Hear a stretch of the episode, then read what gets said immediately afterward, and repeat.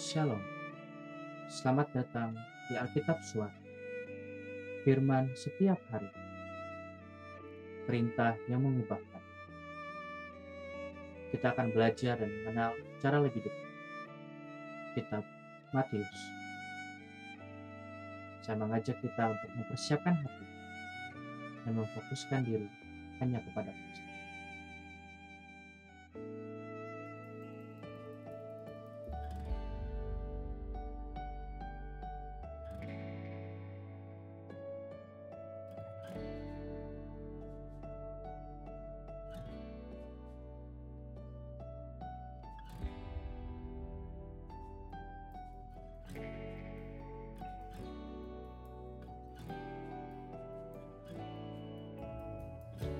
Mari bersama-sama mendengarkan Matius pasalnya kelima.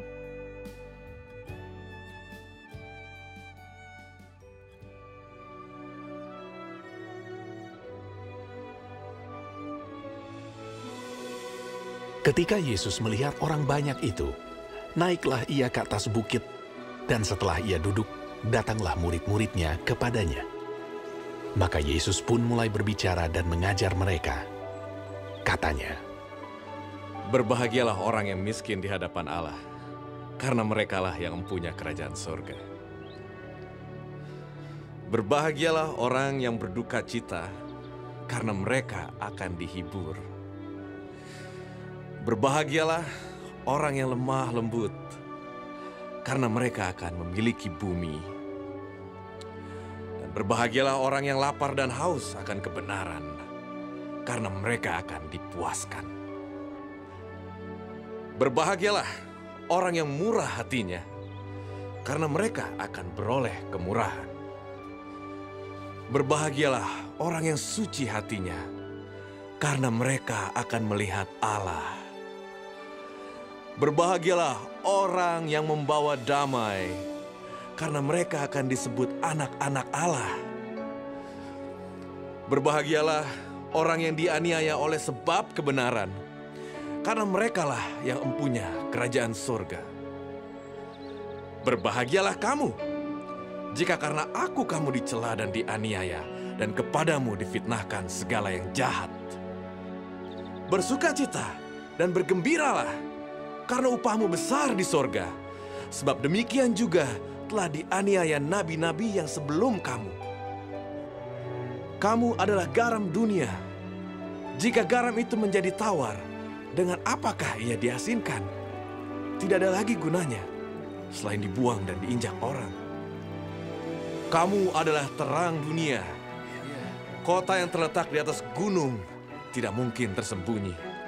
Lagi pula orang tidak menyalakan pelita lalu meletakkannya di bawah gantang, melainkan di atas kaki Dian sehingga menerangi semua orang di dalam rumah itu.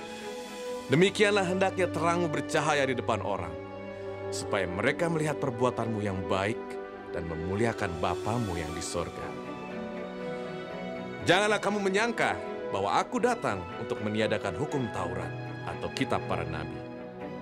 Aku datang bukan untuk meniadakannya, melainkan untuk menggenapinya. Karena aku berkata kepadamu, sesungguhnya selama belum lenyap langit dan bumi ini, satu iota atau satu titik pun tidak akan ditiadakan dari hukum Taurat sebelum semuanya terjadi.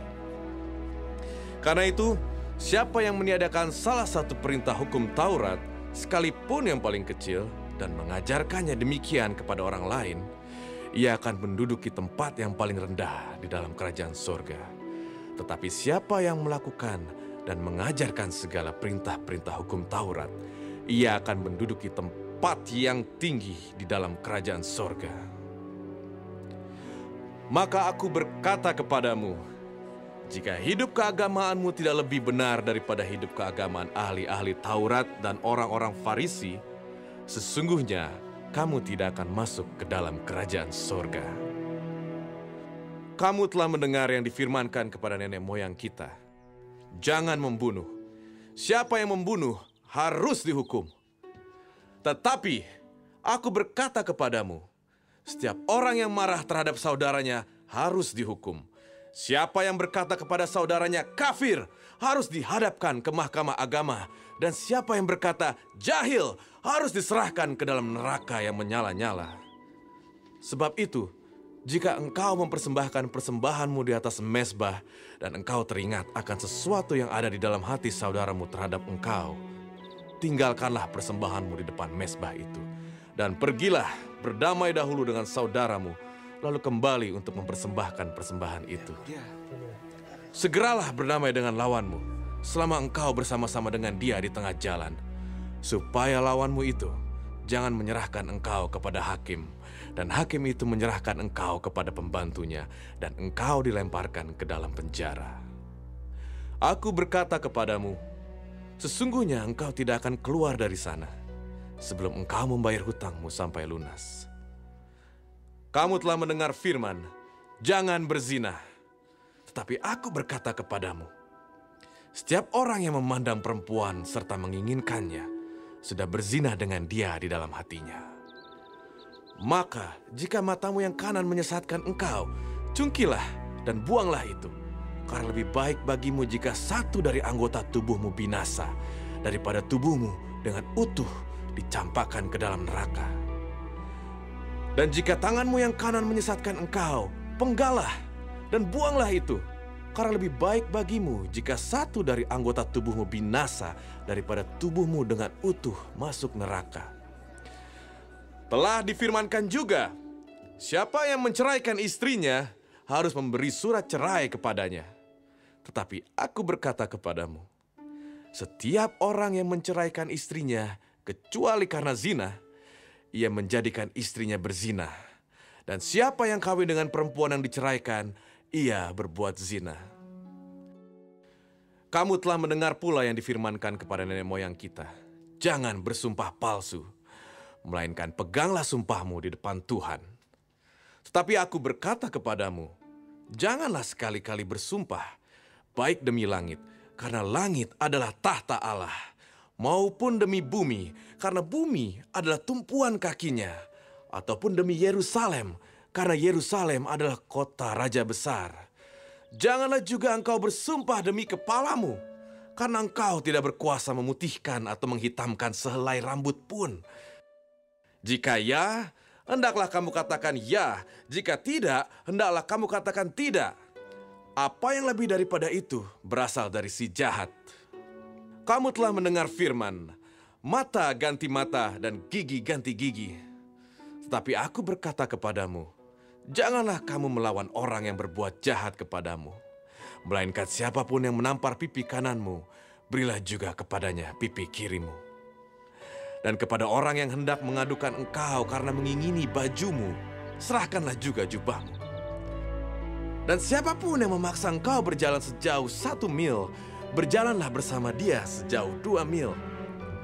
Berilah kepada orang yang meminta kepadamu, dan janganlah menolak orang yang mau meminjam daripadamu. Kamu telah mendengar firman, kasihilah sesamamu manusia dan bencilah musuhmu. Tapi aku berkata kepadamu, kasihilah musuhmu dan berdoalah bagi mereka yang menganiaya kamu. Amin, Guru. Karena dengan demikianlah kamu menjadi anak-anak Bapamu yang di sorga. Yang menerbitkan matahari bagi orang yang jahat dan orang yang baik. Dan menurunkan hujan bagi orang-orang benar dan orang-orang yang tidak benar. Apabila kamu mengasihi orang yang mengasihi kamu, apakah upahmu? Bukankah pemungut cukai juga berbuat demikian? Dan apabila kamu hanya memberi salam kepada saudara-saudaramu saja, apakah lebihnya daripada perbuatan orang lain? Bukankah orang yang tidak mengenal Allah pun berbuat demikian? Karena itu, haruslah kamu sempurna, sama seperti Bapamu yang di sorga adalah sempurna sebuah khotbah yang sering kita dengar dicatat dengan begitu lengkap oleh penulis Injil Matius. Khotbah di atas bukit dalam Injil Matius ini merupakan khotbah Yesus yang ditulis dengan sangat utuh dan menjadi yang terpanjang dan terlengkap dalam Alkitab. Kristus memulai dengan ucapan bahagia, berisi paradoks antara kenyataan yang ada terhadap mereka yang layak menerima kebahagiaan yang disampaikan oleh Yesus. Kristus memberi penegasan akan identitas mereka yang sebenarnya yaitu sebagai terang dan garam dunia dalam masalah ini. Yesus memberikan pemahaman yang terperinci dan sangat jelas akan perintah-perintah yang ada di hukum Taurat pada saat itu. Yesus memberi pemahaman yang mendalam, esensial, dan meluruskan berbagai tafsir yang selama ini kurang tepat oleh para ahli-ahli Taurat dan orang-orang Farisi.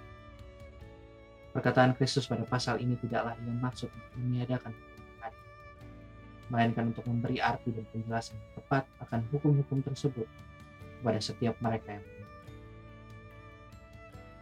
dalam pasal ini kita dapat melihat betapa kudus dan mulianya standar yang dimiliki oleh Allah. Di saat yang bersamaan membawa kita sadar akan sebagaimana lemah kita di luar ini. Perkataan dan hikmat yang disampaikan Kristus seharusnya membuat kita semakin bergantung dan berharap hanya kepada Dia. Sebab kita tahu bahwa sangatlah tidak mungkin bagi kita untuk melakukan segala kehendak dengan kekuatan kita sendiri. Perintah-perintah yang diberikan oleh Kristus mengubahkan kita membawa kita ke dalam kesadaran dan pengetahuan yang lebih dalam. Sekarang kita tahu bahwa dalam melakukan apa yang dia kehendaki sekalipun, kita tetap membutuhkan dia. Kita tetap membutuhkan kekuatan tuh untuk melakukan apa yang dia kehendaki. Dan sebab itu saudara, mari saya mengajak kita untuk merenungkan setiap perintah-perintah. Untuk merenungkan seberapa berharganya Kristus dalam hidup ini sehingga dalam segala sesuatu yang kita lakukan. Baik itu untuk menyenangkan hati Tuhan sekali kita tetap membutuhkan dia. Sang juru selamat yang hidup dalam hidup kita. Tuhan Yesus memberkati kita semua